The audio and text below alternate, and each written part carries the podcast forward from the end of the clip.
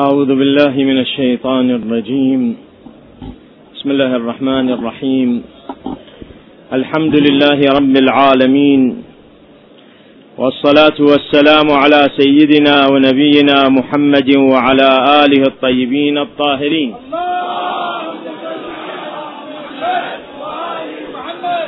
واللعنة الدائمة على أعدائهم أجمعين. من الأولين والآخرين إلى قيام يوم الدين. اللهم وفقنا وجميع المشتغلين واجعله خالصا لوجهك الكريم إنك أرحم الراحمين. السلام عليك يا مولاي يا أبا عبد الله. السلام عليك يا مولاي يا ابن رسول الله. السلام عليك وعلى علي الأكبر وعلى أخيك أبي الفضل وعلى أصحابك المستشهدين بين يديك. يا ليتنا كنا معكم فنفوز والله فوزا عظيما. السلام على الحسين وعلى علي بن الحسين وعلى أولاد الحسين وعلى أصحاب الحسين. السلام على أبي الفضل العباس بن أمير المؤمنين ورحمة الله وبركاته. قضية الإمام المهدي عجل الله تعالى فرجه الشريف من القضايا التي وردت في جميع الأديان والكتب والرسالات. لاحظ هذه القضية وجدناها قد ذكرت في جميع كتب الله تبارك وتعالى. المنزلة. جمع بعض العلماء في كتاب العبقري الحسان جملة من تلك وباللغة الفارسية.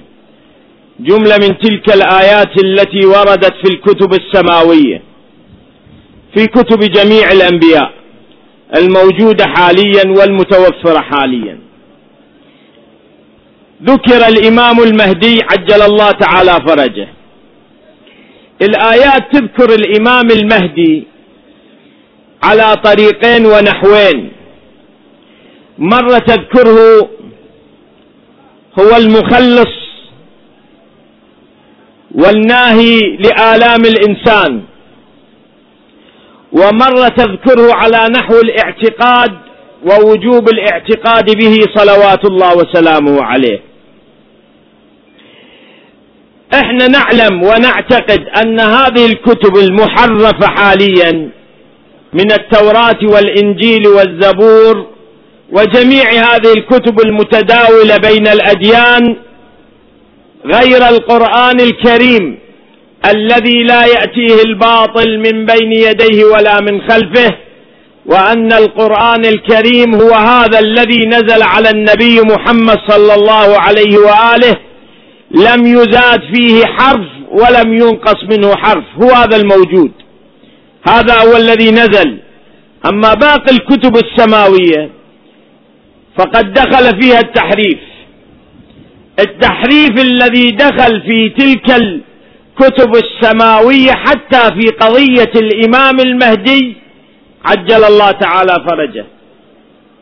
الآن لا أريد أن أتعرض لهذا الموضوع وهو موضوع مهم ولطيف وعظيم وشريف وهو أن نقرأ كيف دخل التحريف في الكتب السماوية ولكن الكتب السماوية حرف الكثير منها ومن جملة الأشياء الذي حرف هو قضية المهدي. إحنا نقرأ ما ورد حاليا في هذه الكتب عن الإمام المهدي.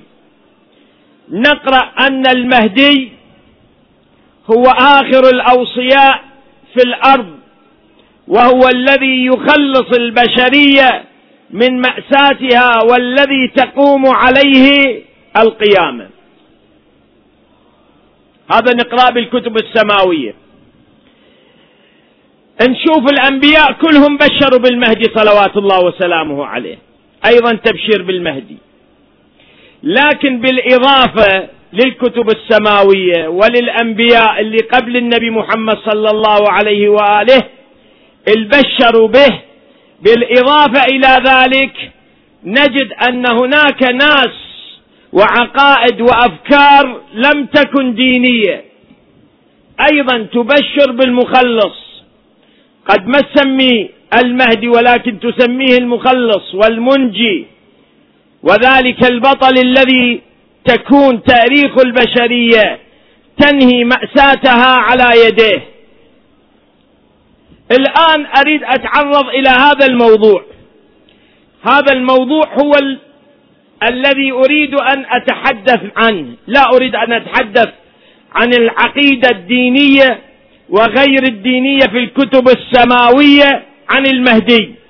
وإنما هذا المقدار المشترك. الكتب السماوية ذكرت المهدي. الأنبياء الذين سبقوا رسول الله صلى الله عليه وآله ذكروا المهدي. أصحاب الأفكار والرسالات الإنسانية ذكروا أنه ضرورة أن يكون هناك مخلص. النتيجة من هذا الحديث هو أن الاعتقاد بوجود مخلص للبشرية هذا اعتقاد فطري موجود في ضمير الإنسان.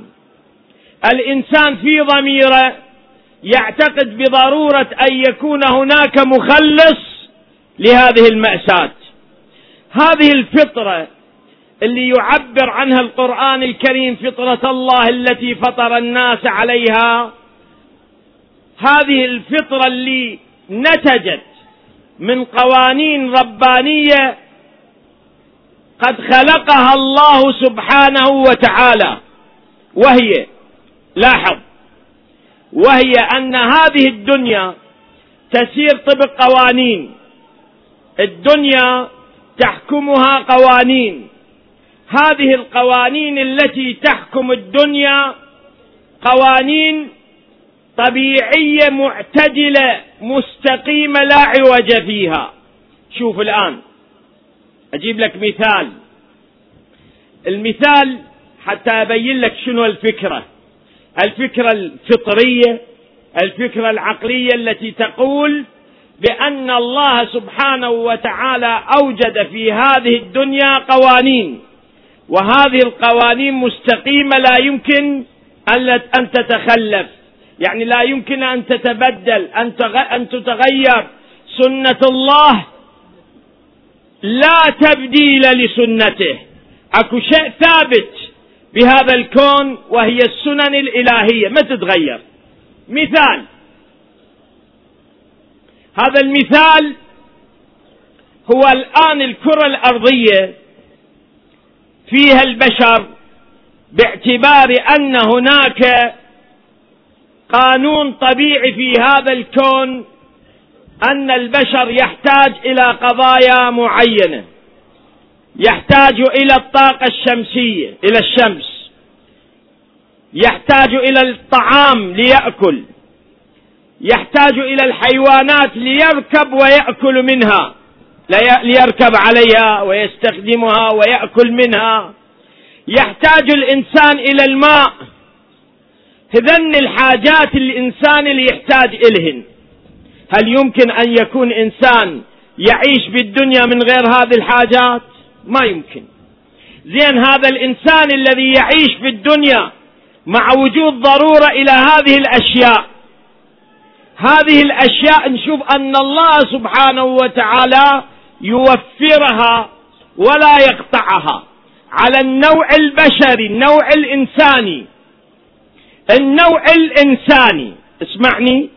يعني البشر بشكل عام الله موفر لهم ماء موفرهم هواء موفرهم طعام موفرهم حيوانات موفرهم علف لحيواناتهم. وين ما تروح بالكرة الأرضية تجد. ولذلك الحياة مستمرة لوجود هذه القوانين. بعض الأحيان تخلص المواد الغذائية تستعمل تنتهي. وإذا الله يمطر السماء والمطر ينبت في الأرض فتخرج الأرض ثمراتها وزروعها وتنبت ومرة واحدة وأخرى ترجع الفاكهة إلى الدنيا والحياة إلى الدنيا. ليش؟ لأن الله يريد الدنيا تستمر. المي قد ينقطع في فترة ويصير جدب. يصير جدب. لكن الله تبارك وتعالى لا يريد أن يقطع الدنيا. ولذلك الجدب ما يكون دائم مستمر. سنة سنتين ثلاثة أربعة ثم يرفع الله الجدب ويرجع. الخير مرة أخرى لكن خلال هذه المدة لا ينقطع النوع الإنساني. النوع يعني بشكل عام البشر. البشر يريد يخليهم يبقون بالأرض. ما يبيدهم. فلذلك يوفر تلك الظروف. هاي قوانين إلهية. نعم. هنا يدخل قانون الابتلاء قانون الامتحان. هذا القانون قانون الابتلاء وقانون الامتحان هو سبب زيادة الخيرات ونقص الخيرات. ولو هذا الموضوع خارج عن بحثنا لكن أنا أشير لك أن إشارة أن قانون الخيرات الخيرات وهاي النعم الإلهية والبركات الإلهية مرتبطة. هذه القوانين مرتبطة بالإنسان وبالله تعالى. ولو أن أهل القرى آمنوا واتقوا لفتحنا عليهم بركات من السماء والأرض ولأكلوا من فوقهم ومن تحت أرجلهم. هذه قوانين ربانية ثابتة إلهية ثابتة. الإنسان كلما يحسن التعلق بالله سبحانه وتعالى كلما لا يشمله الامتحان بالقحط والعذاب والفقر والأذى والحاجة والموت بغير مقتضي وربما يطيل الله سبحانه وتعالى عمره لأن الله سبحانه وتعالى رأى هذا العبد متوكلا على الله سبحانه. العلاقة ولو أن أهل القرى آمنوا واتقوا والإيمان والتقوى إذا تحققت حينئذ تتحقق البركات وتنزل البركات. القانون الإلهي ثابت في الكون. هذا يحس به الانسان كل إنسان يحس أن هناك قوانين إلهية موجودة في الكرة الأرضية. هالقوانين من القوانين الفطرية هو أن لابد للناس أن يكون مخلص لهم لهذه المأساة. لابد لهذه المأساة أن تكون نهاية. ليش؟ شلون هذا القانون؟ شو يقول؟ التفت لي لهذا القانون وهو قانون فطري. يقول لك أن الله سبحانه وتعالى فطر الناس وخلق الناس لسبب وغاية. هذه الغاية هي إسعاد البشر. أن يكون البشر بمستوى من الراحة. ولذلك إحنا الدينيين نؤمن أن القرآن أكد كثيرا ما أن الله سخر لكم الأنعام سخر لكم ما في الأرض سخر لكم ما في السماء سخر لكم كل شيء. هذه التسخيرات الإلهية إن إحنا البشر. ليش؟ لأن الله ما يريد ينتقم من الإنسان عندما خلقه في الأرض. النظرة التفاؤلية النظرة التفاؤلية هي النظرة الصحيحة التي تقدر وتفهم سبب خلقة الله تبارك وتعالى لهذا الوجود.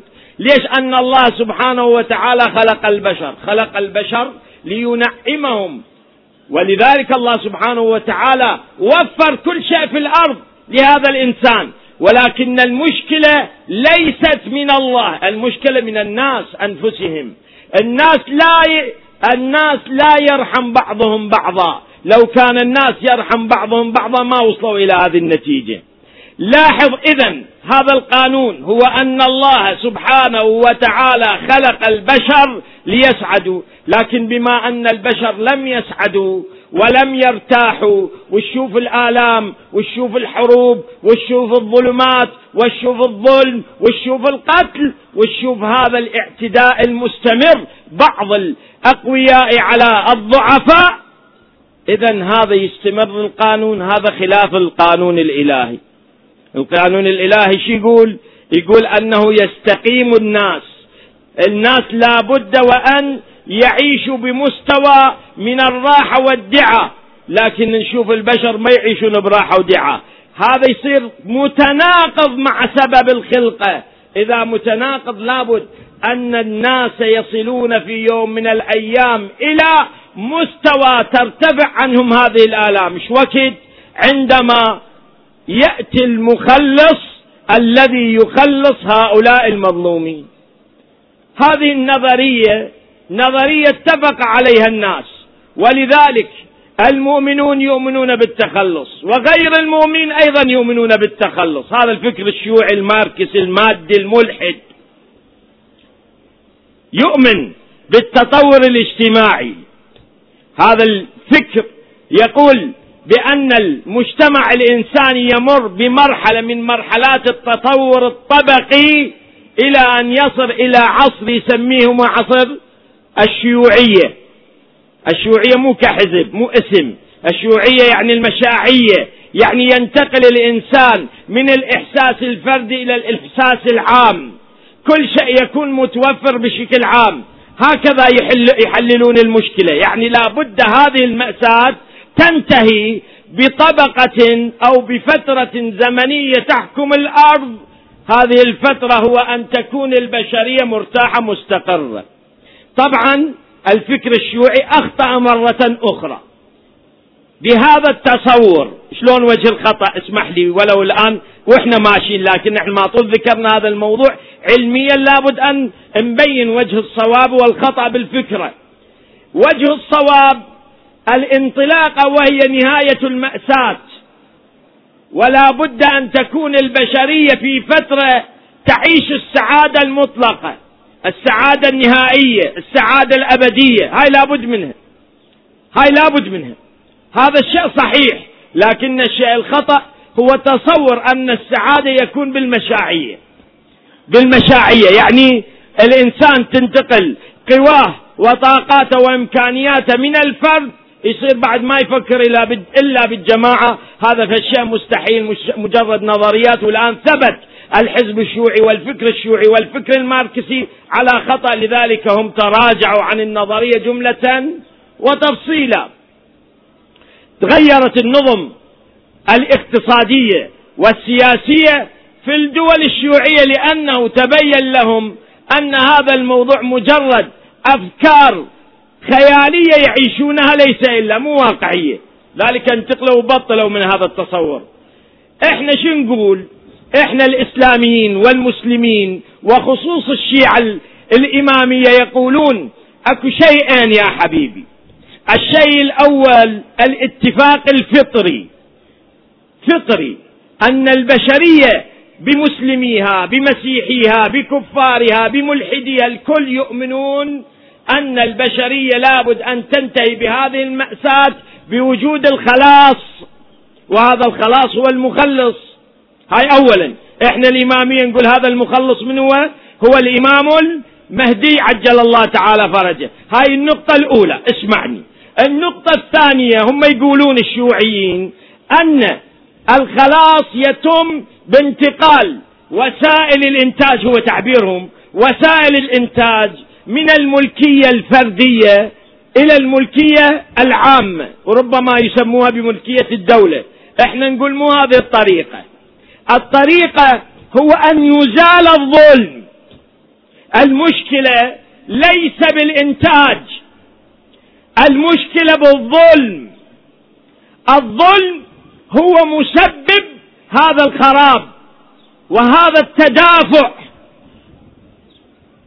لاحظ هذا التدافع والخراب الموجود في الأرض الآن وفي كل عصر. شنو سببه؟ شنو سبب هالخراب؟ السبب هو الظلم. الظلم. شلون السبب الظلم؟ إحنا نقول أن الظلم إلى أثر موضوعي وإلى أثر رباني غيبي إلى أثر مادي موضوعي وإلى أثر غيبي كباقي الذنوب. كل ذنب كل ذنب الإنسان يذنب ويعمل من السيئات أن الذنب والعمل بالسيئات إلى أثرين الأثر الأول الأثر المادي الوضعي والأثر الثاني الأثر الإلهي الغيبي. أما الأثر الوضعي وهو الأثر المادي للذنب لاحظ أجيب لك مثال. أن هناك مثلا الزنا أجلك الله. الزنا من الذنوب التي لها آثار وضعية. من جملة آثار وضعية كما في الروايات عن أهل البيت عن النبي صلى الله عليه وآله إذا فشت فإذا فشى الزنا كثر موت الفجأة. فجأة يعني شنو؟ يعني هذا المرض الذي لا يعرف له أسباب. رسول الله صلى الله عليه وآله أخبر هذا قبل أكثر من 1400 سنة. الآن أحد أسباب مرض الإيدز اللي الآن هو مرض نوع من أنواع وأهم موضع وأهم نوع من أنواع مرض موت الفجأة هو مرض الإيدز سبب مرض الإيدز شنو؟ تفشي الزنا. تفشي الزنا. هذا الآن الكرة الأرضية أكثر من خمس مليون إنسان معرض إلى الموت معرض إلى الموت مو مصاب بمرض الإيدز بمرض الإيدز وإنما هو معرض للموت اليوم باكر بعد يوم شهر شهرين معرض لسبب مرض الإيدز هذا المرض سببه الزنا. هذا أثر شو تسميه أثر مادي أثر وضعي. هناك أثر إلهي غيبي. وهو أن هذا الزاني أجلكم الله يعذبه الله سبحانه وتعالى في القيامة عذابا أليما.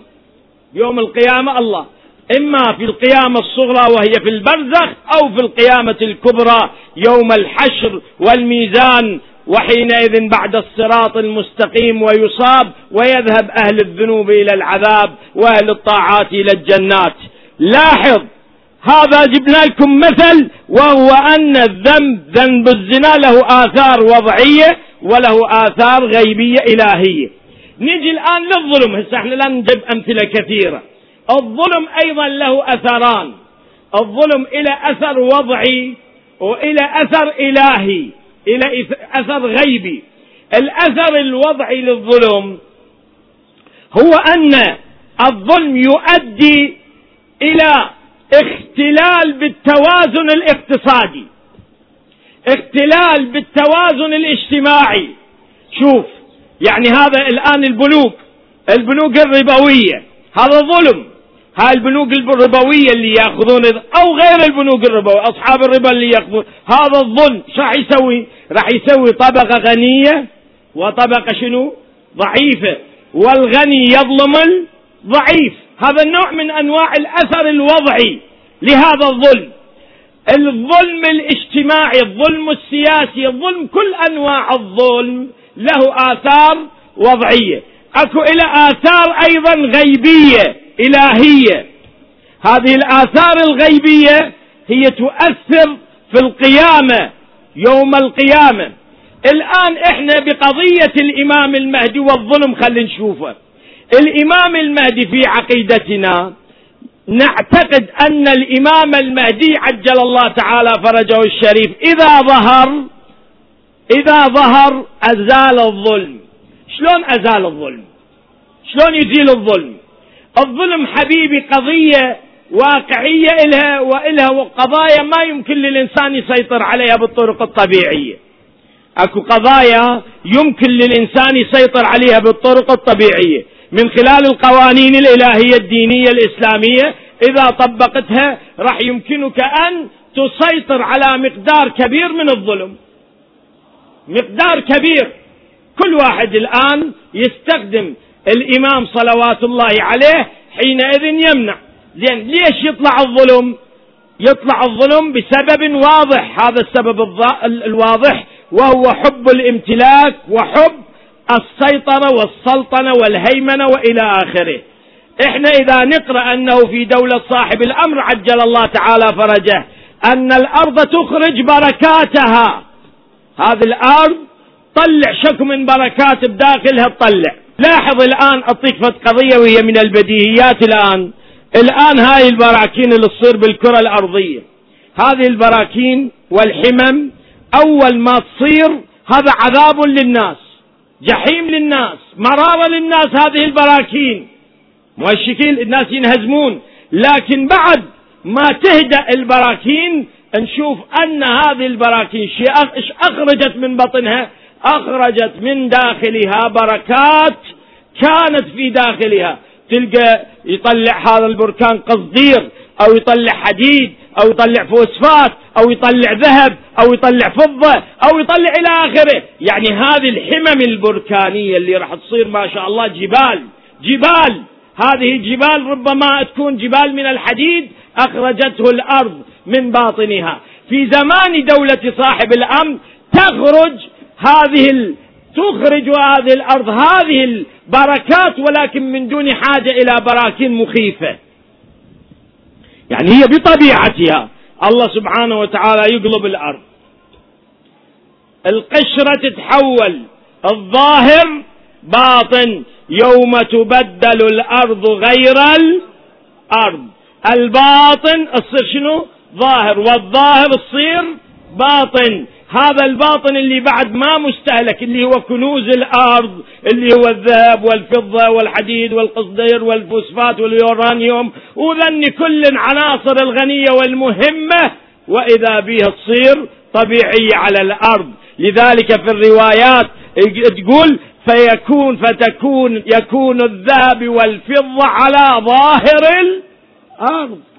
بعد تمشي على القاع أنت تمشي وتلقى ذهب فضة فحينئذ ماكو حاجة للظلم الاقتصادي لأن القيمة الاقتصادية لهذا الذهب صار شنو؟ صار متوفر. يمكن لكل إنسان أن يحصل عليه. إذا الموضوع موضوع الزراعة أن الأرض تكون خضراء. إذا قضية الماء مشكلة الماء تكون المياه متوفرة بشكل طبيعي وكثير حتى أن الفرات فيفيض الفرات حتى يدخل سكك الكوفة. يعني الإمام أمير المؤمنين يريد يوضح أن هذا الماء يكون بشكل متوفر وكبير. شلون هذا يتم؟ إما بالتطبيق قلنا بالتطبيق القوانين الإلهية فرفع الظلم وإما بالطرق الربانية ولو أن أهل القرى آمنوا واتقوا. يعني أنت بس تصير شوية علاقتك بالله سبحانه وتعالى زينة فحينئذ تتبدل المعادلة. من أن تظلم إلى أن ينتشر العدل. لذلك تمتلئ الأرض قسطا وعدلا.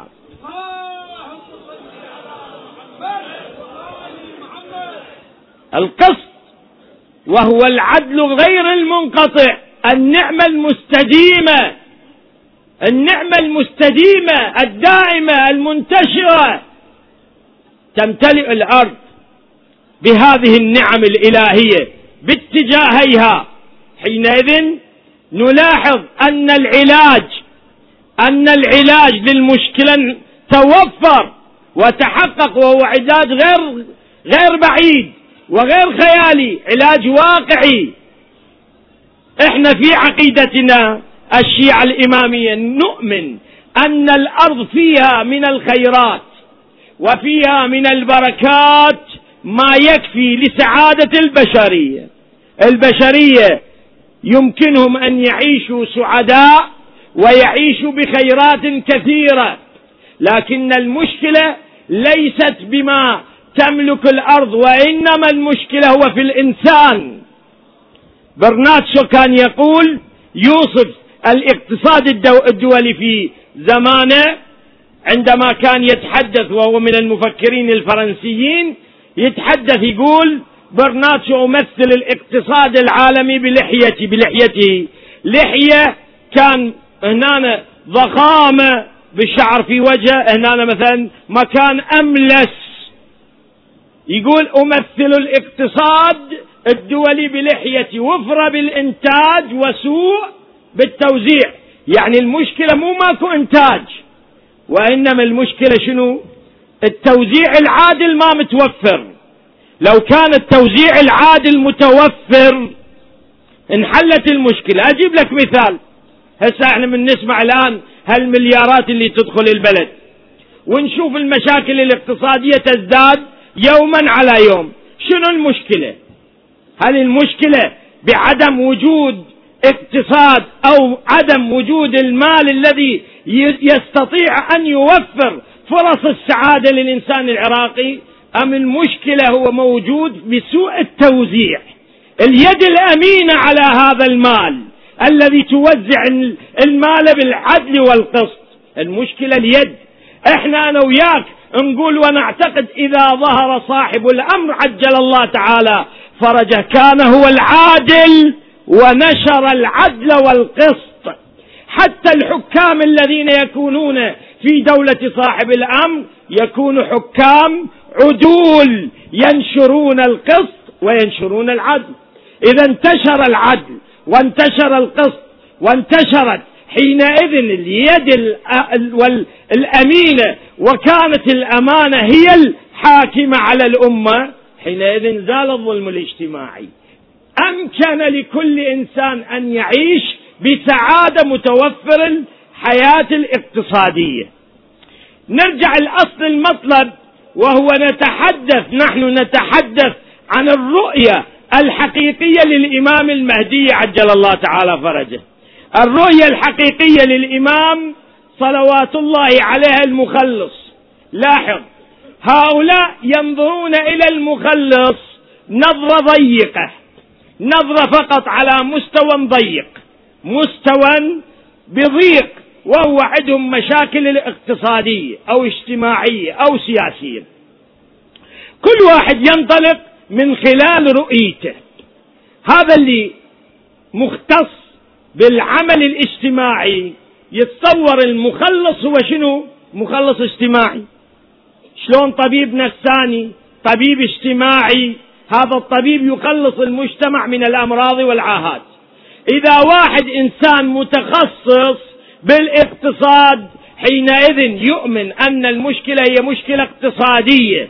المخلص يكون إنسانا خبيرا اقتصاديا يمكنه أن يخلص الأمة من هذه المسات هناك ناس متخصصين بالسياسة يعتبرون المشكلة سياسية. هناك ناس متخصصين بالعسكر والعنف يتصورون أن المشكلة تنحل بوساطة ووسيلة العنف. إحنا نؤمن أن المخلص عجل الله تعالى فرجه فوق هذه كلها أن المشكلة ليست هي المشكلة الاقتصادية وحدها. ليست هي المشكلة الاجتماعية وحدها. ليست هي المشكلة العسكرية وحدها. ليست هي المشكلة السياسية وحدها. المشكلة الأساسية هي الإيمان بالله وعدم الإيمان بالله. الثقافة لا بد أن تتبدل. الثقافة لا بد أن تتغير. الأسس الثقافية لا بد أن تتغير. شنو الفائده الآن؟ إذا إنسان وزعت فلوس لو الآن وزعنا الفلوس الآن بالدنيا كل واحد هاك هاك هاك هاك. ويبقى الإنسان على وضعه الثقافي يعيش نفس الوضع الثقافي. حينئذ حليت مشكلتك لا ما تنحل. لأن هذا من يأخذ المال يكون عنوان تطبيق جمع مالا فعدده. يعدد شيء فوق شيء يجمع شيء فوق شيء آخر والإنسان تدري من هو مال لا يشبع لا يشبعان. طالب علم وطالب مال.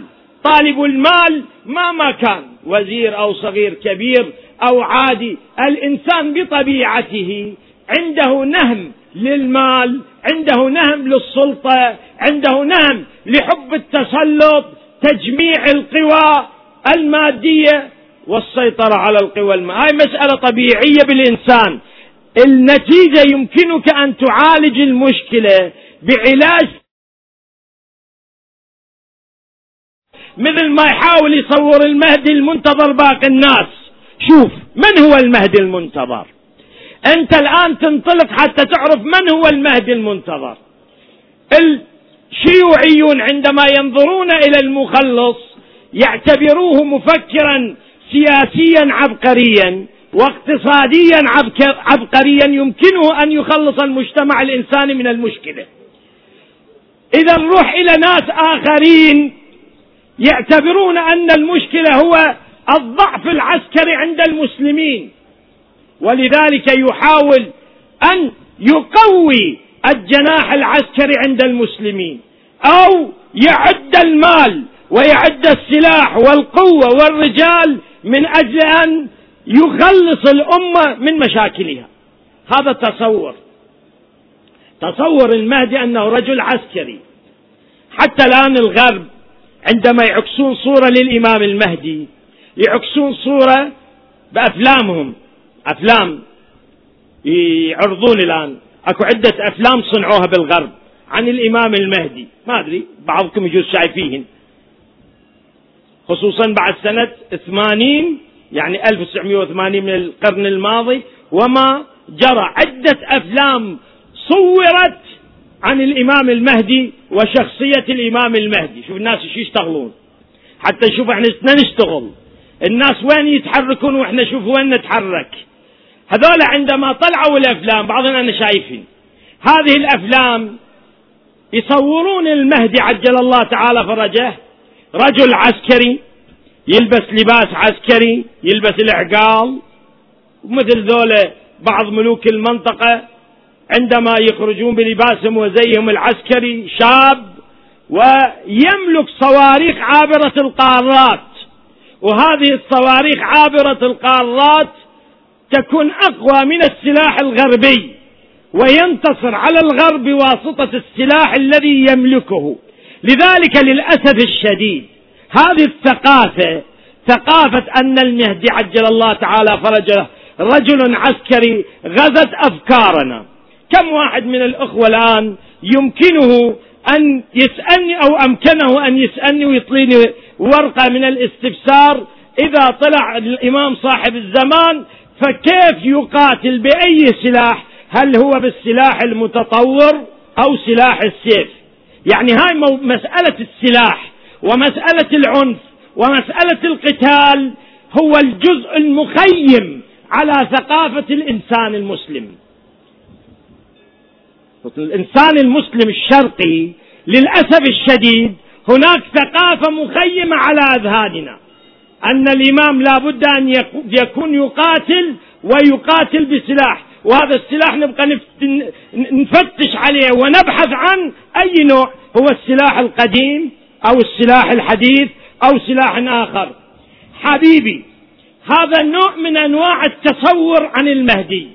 ولذلك وجدنا بعض الذين يريدون أن يمهدوا للمهدي في بعض المناطق من العالم.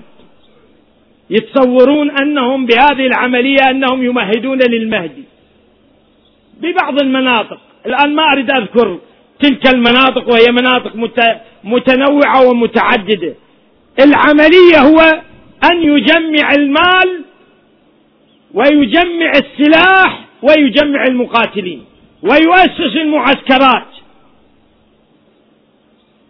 حينئذ هو راح يوفر الجيش المناسب اللي يحتاج الامام المهدي عجل الله تعالى فرجه. هذه الثقافة هل هي ثقافة سليمة. هذه الثقافة هل هي ثقافة سليمة؟ وهو إعداد العسكر. والمشكلة مشكلة عسكرية. أنا نقلت سابقا هذه الرواية ما في حرم في الصحن الشريف أو في أماكن أخرى ونقلتها بكثرة. هذه الرواية فيه معنيين. فيها معنيان. المعنى الأول نستفيد منه في هذا المطلب وهو المشكلة مو مشكلة عسكرية حبيبي. أن الأئمة عليهم السلام ما يظهرون بالسيف مو عندهم مشكلة عسكرية. ما يقدرون يجمعون سلاح ورجال وقتال ويعدون معسكرات ويعدون ويعدون. لا المشكلة مو عسكرية حبيبي. مو عسكرية.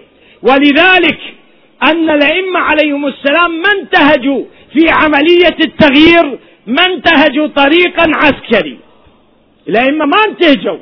ما عدا سيد الشهداء وسيد الشهداء أيضا لم ينتهج نهجا عسكريا وإنما أجبر على الدفاع عن نفسه في كربلاء. صلوات الله عليه. لو كان هو نهج عسكري لجمع كما قال له ابن الحنفية فهذه اليمن فهذه اليمن أصحاب أبيك. فيها الرجال وفيها السلاح وفيها المال وفيها الشعاب. تقدر هناك تجمع القوة العسكرية اللي يمكنك أن تسيطر على اليمن.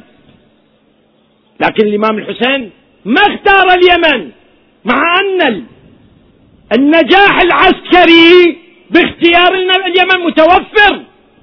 يعني لو كان الإمام الحسين ذهب إلى اليمن لنجح عسكريا لكن لا تنجح ثورته التي يريدها هو أن تكون على طريقته صلوات الله عليه وهو المشروع الحضاري المهدوي. الذي بداه الحسين وقبله علي وقبله رسول الله والأنبياء وسوف ينتهي المشروع الحضاري بدولة صاحب الأمر عجل الله تعالى فرجه الشريف. أبين لك شلون أن الموضوع لم يكن عسكري مع الاختصار. طبعا عندنا هواية بيانات عندنا هواية روايات. واحدة من تلك الروايات قريبة إلى المضمون. جاء ذلك الخراساني إلى الإمام الصادق عليه أفضل الصلاة والسلام. قال يا ابن رسول الله أنت جالس لا تقوم لا تسوي ثورة وعندك ستة عشر ألف مقاتل في خراسان. مقاتلين متوفرين. هذا ما يحتاج المقاتل في ذاك الوقت لا يحتاج إلى سلاح ولا يحتاج إلى مؤن. هو كن يوفرها لنفسه وهذا موفرها لنفسه أنت فقط قد هؤلاء القوم العسكريين. هذا بالضبط اللي صار بالتغيير اللي سوته الدولة العباسية. بنو العباس عندما أسسوا دولتهم وأسسوا حضارتهم أسسوها على أساس عسكري. بناء جيش عسكري. استعانوا بأبي سلم الخلال وبأبي مسلم الخراساني. وهم قادة عسكريون وأسسوا لهم الجيش لاستطاعوا أن يغزوا به به بهذا الجيش الضخم. دولة بني أمية وانتصروا وأسسوا الدولة العباسية.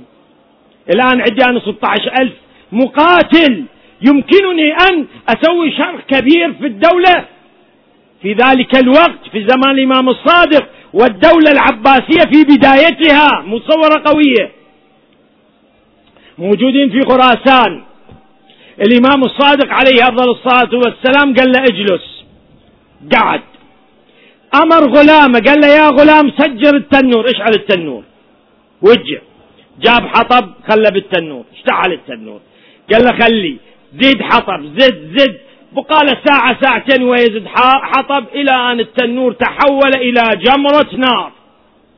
بحيث هو التنور تحول إلى جمرة من النار. فقال للخراساني قم وادخل في التنور. خراساني قال لي يا ابن رسول الله أنا ما أقول شيء. أنا ما أقول شيء. أنا أقول عندك 16 ألف. هذا فالشيء ما يضر. وكنا إحنا حاضرين بخدمتك. قال فادخل في التنور. قال له تريد تنتقم من عندي. أنا ما قايل فالشيء أنا محب إلك مخلص. قال فاجلس. قعد. دخل داود الرقي وهو من أصحاب الإمام الصادق المخلصين. دخل على الإمام سلام الله عليه. والتنور جمرة حمراء مسجر.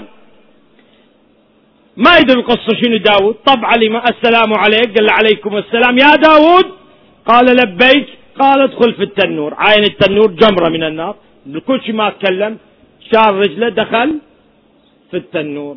قال يا غلام غط التنور. شال الغطاء مخلاه فوق التنور. فجعل يحادث الخراساني الإمام الصادق يحدثه.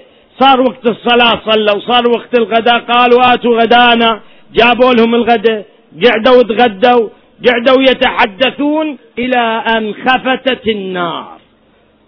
وهدأ التنور. والتنور بعد صار فشيء طبيعي. فالتفت الإمام الصادق إلى من في التنور. قال يا داود قم من التنور. وخر الغطاء. وقام داود الرقي ينفض الرماد من على ثيابه.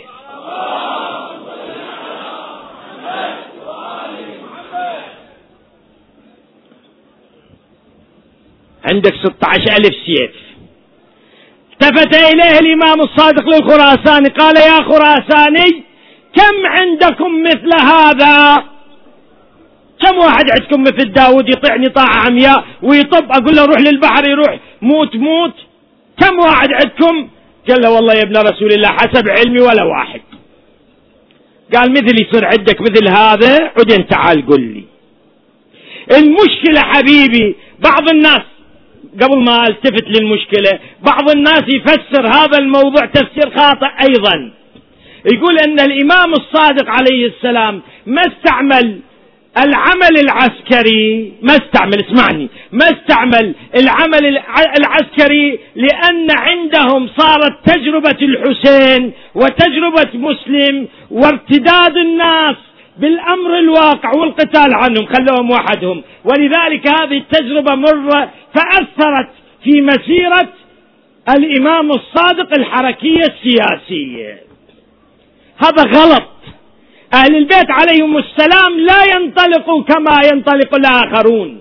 أهل البيت عندهم مبادئ إلهية سماوية ربانية. ما يتأثرون بأمراض وحوادث جزئية تحدث هنا وهنا. الإمام الصادق من هذا الموضوع يريد يقول لك شيئين هذا اللي أقول لك إياهن. الشيء الأول أن البرنامج التغييري عند الإمام الصادق هو نفس البرنامج التغييري عند الإمام المهدي الحجة وهو لم يكن البرنامج العسكري. يعني مو مهم هو كثرة العدد والمقاتلين هذا مو مهم. ولذلك فإن الإمام صلوات الله وسلامه عليه الآن الإمام الحجة من حيث العسكر من حيث القوة العسكرية يقدر قطعا ملايين يخرجون إذا طلع صاحب الزمان وتيقنا أنه الإمام مراجعنا وشيعتنا وموالونا مولاي هم يجون إلى إلى زيارة الحسين يجون. يجون هاي الزيارة زيارة سيد الشهداء صلوات الله عليه. يجون وهم ملبين للحسين وما يدرون إيش وقت ينفجر بهم. المجرم القاتل السفاح الانتحاري. كل واحد يخرج من بيته يودع عليه يقول له لعلي أنا ما أرجع. اللي يرجع بزيارة اللي يجي بزيارة الحسين؟ ما يعلم يرجع لو ما يرجع. هذا مولانا مو استعداد مو إعداد.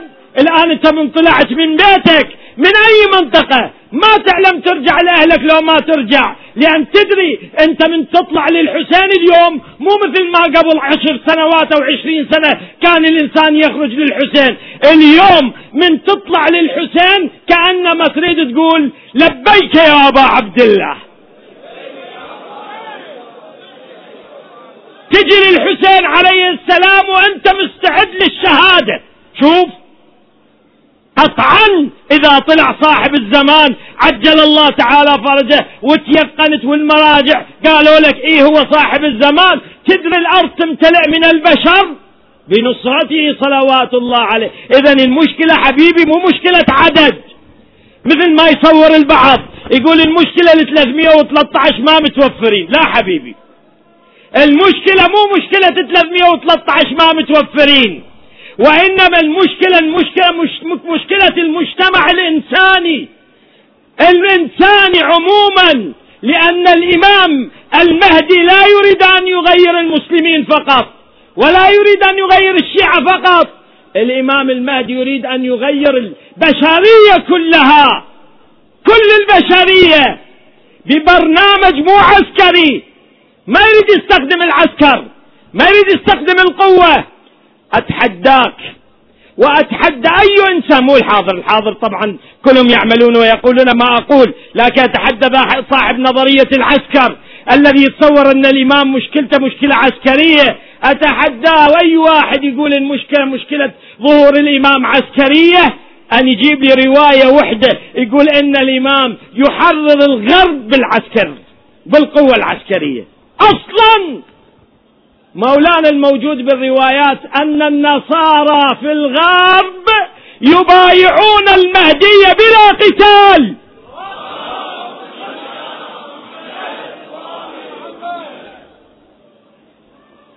ليش؟ شلون يبايعونه بلا قتال؟ ليش؟ لسببين. السبب الأول لأن الحضارة الإنسانية تصل إلى مستوى التقييم العلمي. ينتقلون من أسس ضيقة إلى أسس حضارية عامة. ولذلك المجتمع الإنساني يتفهم نحن نسميه شنو؟ موضوعي علمي. يعني ما يكون عاطفي. هاي الشيء الأول. والشيء الثاني لأنهم يرون نبيهم عليه أفضل الصلاة والسلام. المسيح عيسى ابن مريم قد نزل في بيت القدس وقد صلى خلف الإمام المهدي. عجل الله تعالى فرجه. كان وزيره يتحرك بهذا الأسلوب. اذا المشكلة مو عسكرية. ولذلك عدنا أن هناك نهي عن رفع المسألة العمل العسكري في المجال الهجومي في مجال الهجوم اللي يسموه الجهاد الابتدائي. الجهاد الابتدائي عندنا روايات تمنع الجهاد الابتدائي. كل راية قبل صاحب الزمان ترفع فصاحبها طاغوت. ليش؟ لأن المجال العسكري مو هو المطلوب إلا في مجال الدفاع عن النفس. يعني لا نكون همنا رخيين كلش ونقول لا إحنا ضد العمل العسكري لا مو هالشكل. إحنا مو رخيين. إحنا نقول أن العمل العسكري يستفاد ولا بد تطبق الآية وأعدوا لهم ما استطعتم من قوة. وإلا والله صر خيرين ولا تستعمل العمل العسكري والإرهابيين راح يأكلون في بغداد ودياله. ما حد يقول هذا. ما حد يقول هذا. نقول الحكومة لابد أن تتقوى عسكريا والسلاح لابد عند الحكومة أن يكون بمستوى أن تستطيع الدولة أن تحامي عن شعبها وأن تحدد الإرهاب. هذا نقوله إحنا. ليش؟ في مجال الدفاع عن النفس. في مجال الدفاع عن النفس. وأعدوا لهم ما استطعتم من قوة. لكن مشروعنا الحضاري لم يكن هو الإرهاب لم يكن هو العمل العسكري. مشروعنا الحضاري هو إحنا عندنا حضارة عندنا قيم عندنا مفاهيم عندنا دين عظيم. هذه القيم هذه المفاهيم هذه الدين الع... هذا الدين, الدين العظيم هذا يبني يبني الإنسان. اللي يعبر عنه الإمام الصادق كم واحد عندك مثل داود الرقي؟ داود الرقي لأنه قد ابتني حضاريا. مو فقط الحضارة بالثقافة العلمية الثقافة الاجتماعية. إحنا نقول الآن المشكلة المشكلة الثقافية. أن الإنسان لابد أن يتثقف بما يريد الإمام صلوات الله عليه. يريد الإمام منك ثقافة هذه الثقافة محددة ثقافة حضارة أن تكون إنسان حضاري بكل معنى الكلمة. تكون إنسان محب للعلم طلب العلم فريضة على كل مسلم ومسلمة. أن تكون إنسانا حضاريا بخلقك إنما بعثت لأتمم مكارم الأخلاق. تكون إنسان حضاريا بقيمك دين دين الإسلام دين القيم. دين القيم. دين المعاني دين المفاهيم. تكون إنسانا كاملا تكون إنسانا ورعا تكون إنسانا عظيما تكون إنسانا بمستوى أن يصح لك يصح عليك أن يقال إنسان. المشكلة هي المشكلة الحضارية. لو توفر هذا الإنسان شيعة أكو مطيعين أكو لكن الجد يمكن أن نقول أن المعرفة الشيعية والعلم الشيعي متوفر. لاحظ عندما زرارة يحدث الإمام الصادق في الرواية اللي حكيناها كم مرة يحدث الإمام الصادق عليه السلام عن المأساة. هاي مآسينا اللي نشوفها الآن والمآسي اللي شفناها قبل واللي نشوفها بعدين. يحدث عن المأساة في آخر الزمان وكيف أن تكون الدنيا مظلمة مدلهمة لا تدري أين من أين. زرار عندما يعظم عليه الأمر يقول له شلون النجاة في ذاك الزمان اللي هو هذا الزمان؟ يقول له الإيمان ينجو من دعا بهذا الدعاء. هذا الدعاء دعاء المعرفة. اللهم عرفني نفسك فإنك إن لم تعرفني نفسك لم أعرف نبيك اللهم عرفني رسولك. فإنك إن لم تعرفني رسولك لم أعرف حجتك. اللهم عرفني حجتك. فإنك إن لم تعرفني حجتك ضللت عن ديني. المشكلة مشكلة المعرفة. المشكلة مشكلة الثقافة.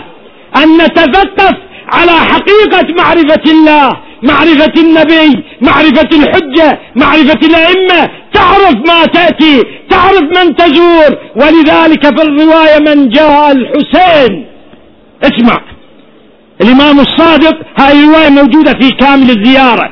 الإمام الصادق يقول من جاء الحسين عارفا بحقه. تعرف حق الحسين؟ تعرف حق الحسين؟ شنو حق الحسين؟ ابحث دور شوف. من جاء من جاء الحسين من زار الحسين من زار قبر الحسين عارفا بحقه كمن زار الله في عرشه.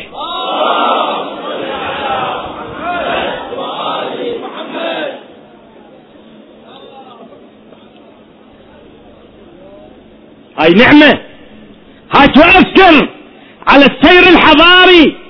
انت تدري الآن هاي التراب اللي تمشي عليه. هذا التراب اللي نمشي عليه هاي كربلاء هاي المكان المقدس. أنا البارحة أقرأ رواية ماذا اليوم كنت أقرأ رواية صور البارحة. اسمعني هاي الرواية. كنت أقرأها واستعظمتها. الشيخ الطوسي رضوان الله عليه يروي هذه الرواية. هذه الرواية رواية عظيمة. اسمعها. يقول الإمام الصادق إن الحور العين. مو كنا نقول الله من الحور العين؟ فزوجنا. إن الحور العين إذا نزل ملك إلى الأرض. يعني إذا واحد من الملائكة هم قاعدين بالجنة والملائكة صاعدة نازلة إن الحور العين إذا نزل أو هبط ملك إلى الأرض بأمر يعني الله داز كلف أمره بأمر هذا الملك ينزل يتهادون يقول له تجيب لنا هدية منك. الحور العين شو يقولون للملك؟ هاي الملائكة اللي تنزل الأرض يقولوا له والله من تنزل إلى الأرض جيب لنا هدية. هاي رواية عن الإمام الصادق. يقول الحور العين جيب لنا هدية وياك يا ملك. إن الحور العين إذا نزل ملك إلى الأرض يتهادون. سبح وترب وترب قبر تراب وتراب قبر الحسين سيد الشهداء. هاي السبح. والتراب. التراب. هاي انت تعرف شنو من قيمة؟ عارفا بحقه الحور العين يدرون يتباركون. شوف أن الجنة. الحمد لله الذي رزقنا أن نسكن. نجلس هنا قاعدين بالجنة. يا رب لا تحرمنا من الحسين. يتعادون سبح وتربة. قبر الحسين عليه السلام. عظيم! المشكلة حبيبي أن المشكلة مشكلة ثقافة الدين بكل أبعادها أبعادها الغيبية أبعادها الاجتماعية أبعادها الاقتصادية. كل الأبعاد لأن دولة المهدي دولة الحضارة. يا رب نحن في هذه الساعة. إلهنا عند الحسين. ذكرنا الحسين. يا مولانا نسألك بالحسين. لأن بعد ماكو وقت نسأل وأسئلة واجبة نخليها على الأسبوع القادم. إلهنا بالحسين الوجيه وأمه وجده وأبيه وأمه وأخيه والتسعة المعصومين من بنيه. فرج عنا فرجا عاجلا قريبا. كلمح البصر وهو أقرب من ذلك. شوف هاي الساعة ساعة الحاجات. إذا أكو واحد محتاج جمع قال المريض أمن يجيب المضطر إذا دعاه ويكشف السوء